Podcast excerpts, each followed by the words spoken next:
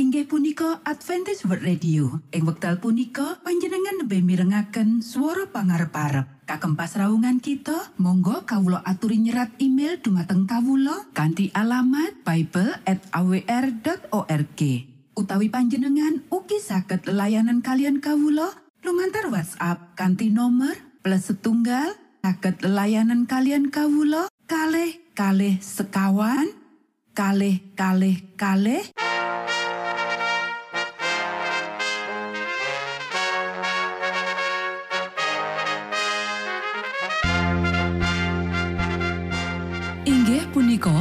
Adventist World Radio ingkang giaran kanti basa Jawi. Tentrem Rahayu kula aturaken kagem para mitra kinasih ing pundi papan lan panggonan. Sugeng pepanggian malih kalian Adventist World Radio. Kanti bingahing manah Kulo badi sesarengan kalian poro mitra kinasi. Lumantar saperangan adicara ingkang sampun rinonci. Mligi kagem panjenengan sami. Mugi giaran punika saged migunani tuen dados berkah kagem kita sedoyo. Sugeng midhangetaken Gusti amberkahi.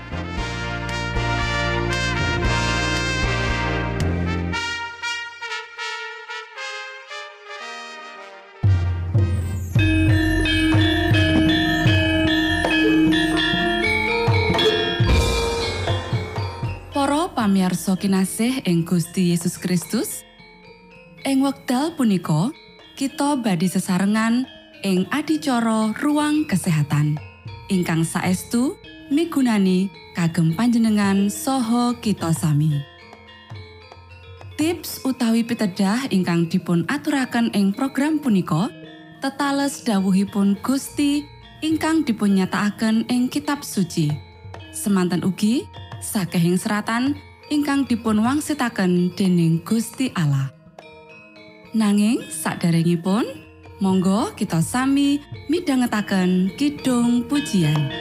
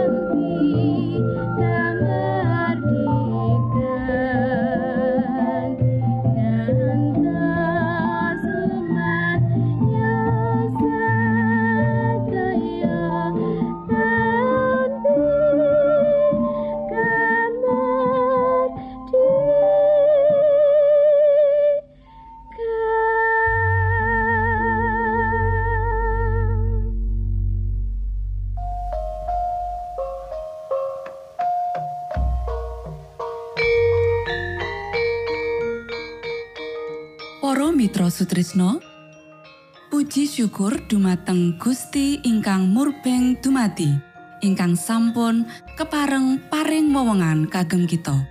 Satemah saged nglajengaken ruang kesehatan. Pirembakan kita semangke kanthi irah-irahan. Kewajiban nyinaoni angger-angger panguripan.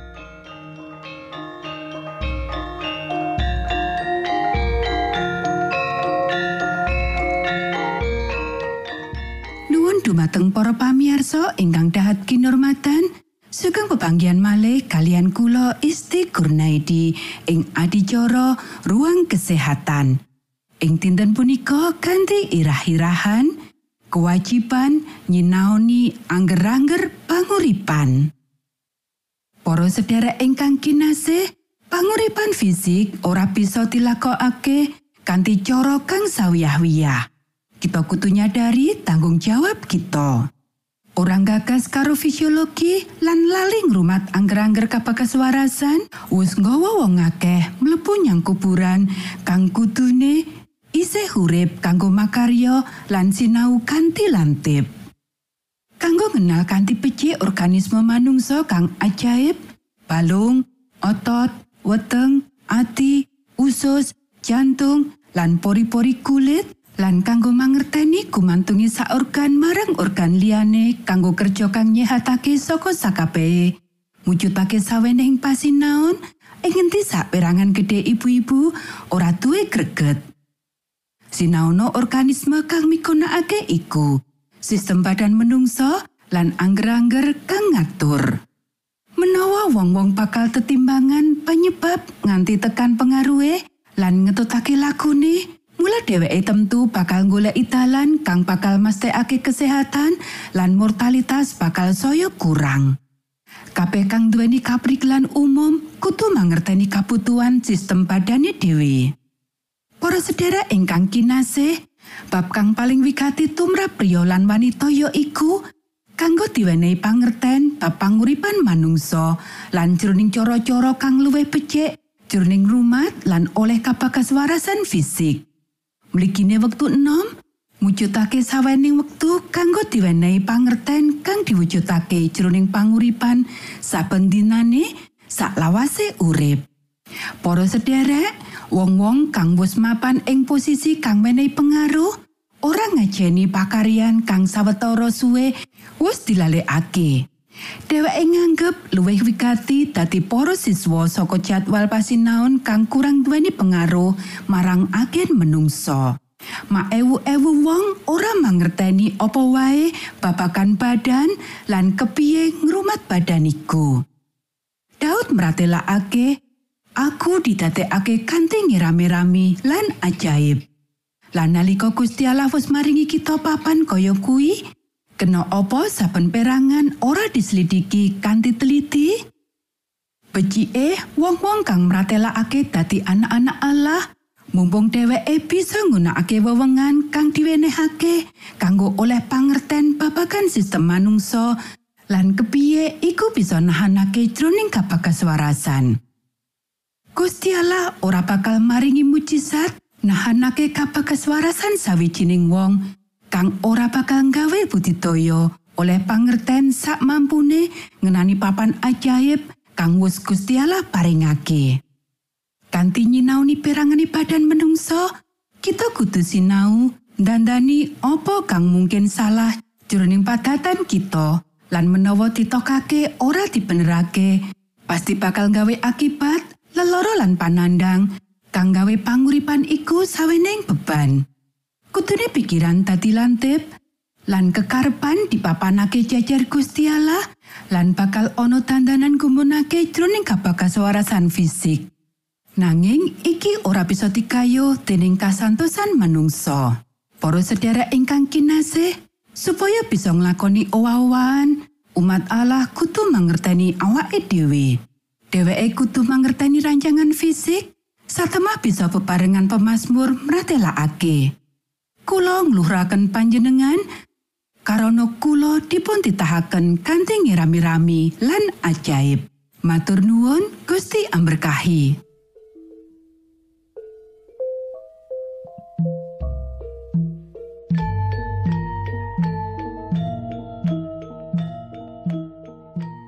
Cekap semanten pimbakan ruang kesehatan ing episode dinten punika. Ugi sampun kuatos jalaran kita badhe pinanggih malih ing episode sak lajengipun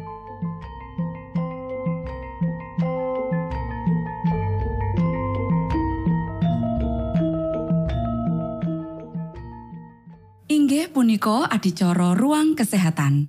Menawi panjenengan gadah pitakenan utawi ngersaakan katerangan ingkang langkung Monggo kulo aturi kinton email dateng alamat ejcawr at gmail.com utawi lumantar WhatsApp kanti nomor 025 pitu 00 songo songo papat 00 pitu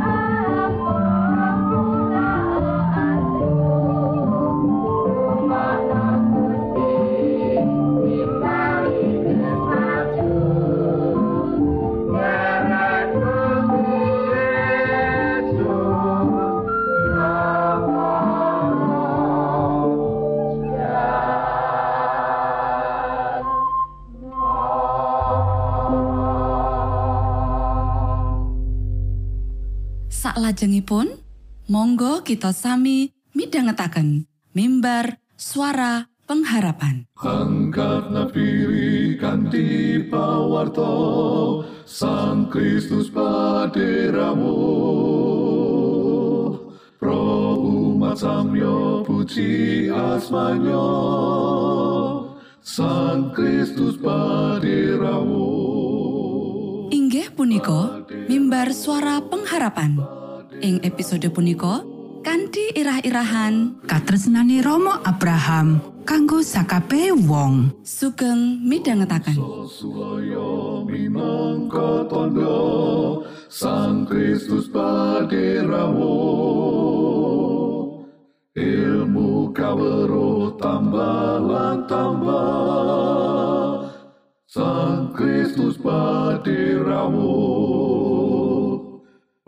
Paderamu Paderamu Sang Kristus paderamu Shalom para pamirsa ingkang kinasih wonten ing Gusti Sakmenika kita badhe mitangetaken renungan Sabda pangandikanipun Gusti. Ing dinten punika kanthi irah-irahan katresnane Romo Abraham kanggo sakabehe wong. Para sedherek ingkang kinasih, dawuh pangandikane Gusti ing kitab Purwaning Dumadi pasal 18 ayat siji lan loro yaiku Sawise mangkono, Sang Yahwa ngatingal marang Romo Abraham ana ing sacedhake wetar bantin ing Mamre. Nalika pinuju lenggahan ana ing lawanging tarupe, wayah awan beneri panas gumemplang. Bareng dengenge, mirsa priya teluju meneng ing ngarsane, banjur murugi metokake sarta sumungkem ing bumi karo matur. Duh para bendoro, menawi kula mangkesih wonten ing ngarsa panjenengan, mugi tindak panjenengan sampun ngantos nglangkungi ingkang abdi. Para sedherek ingkang kinasih, kualitas kapindo saka Rama Abraham kang katulis ing Purwaning Dumadi pasal 18 yaiku katresnane marang wong-wong, malah marang wong-wong kang ora dikenali kanthi pribadi.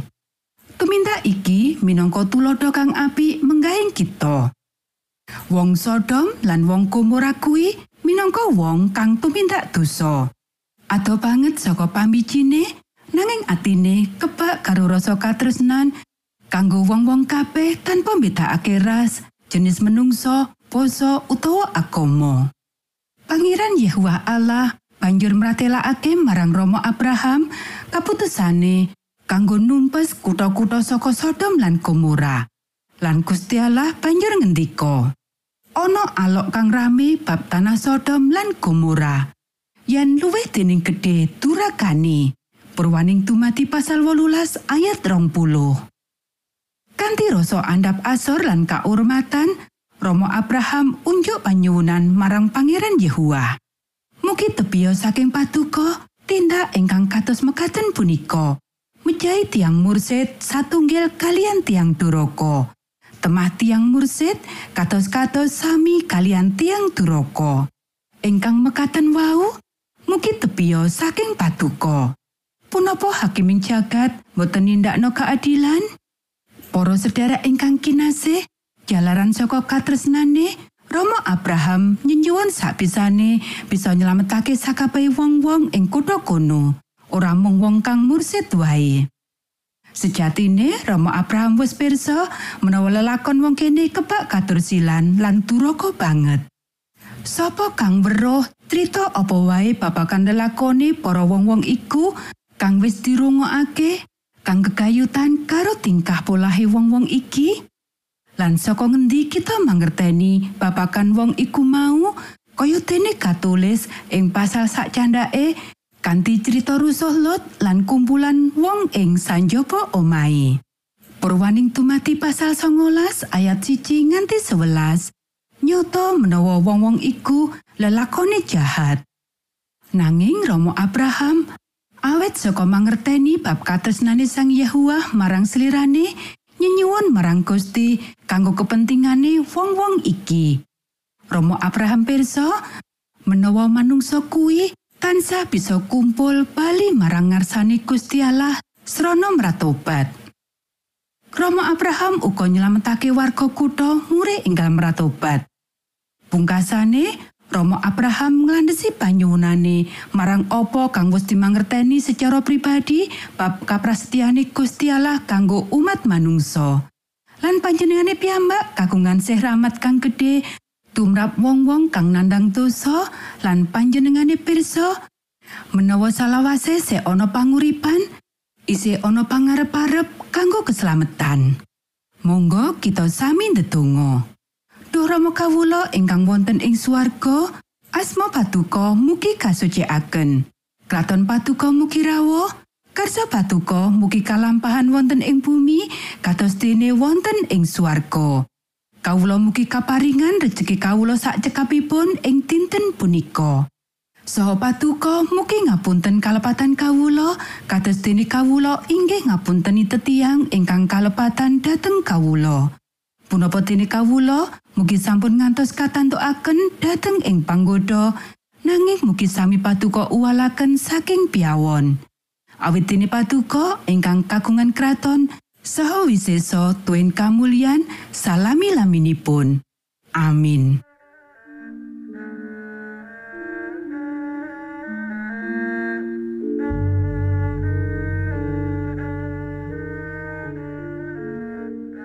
Para Mitra Sutrisno pamiarsa kinasih ing Gusti Yesus Kristus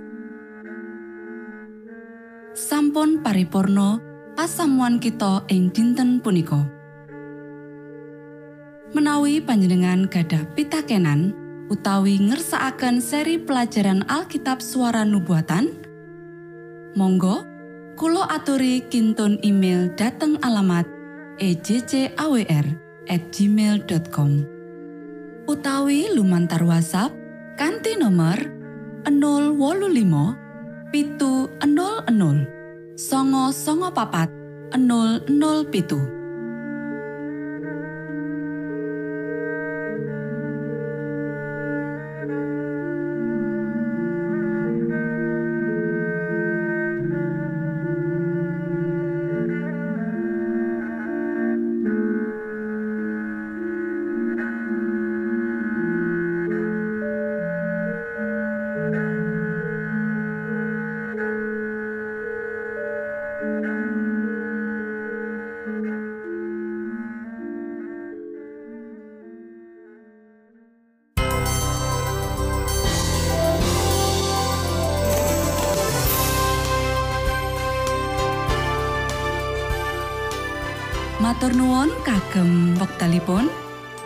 badhe pinanggih malih ing gelombang ugi wekdal ingkang sami.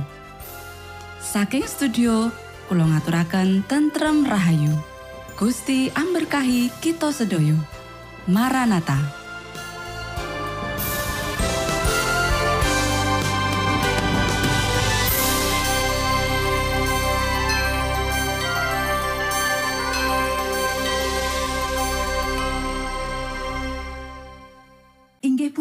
Adventist World Radio. Ing wekdal punika panjenengan lebih mirengaken swara pangarep-arep. Kagem pasraungan kita, monggo kawula aturi nyerat email dumateng kawula kanthi alamat bible@awr.org.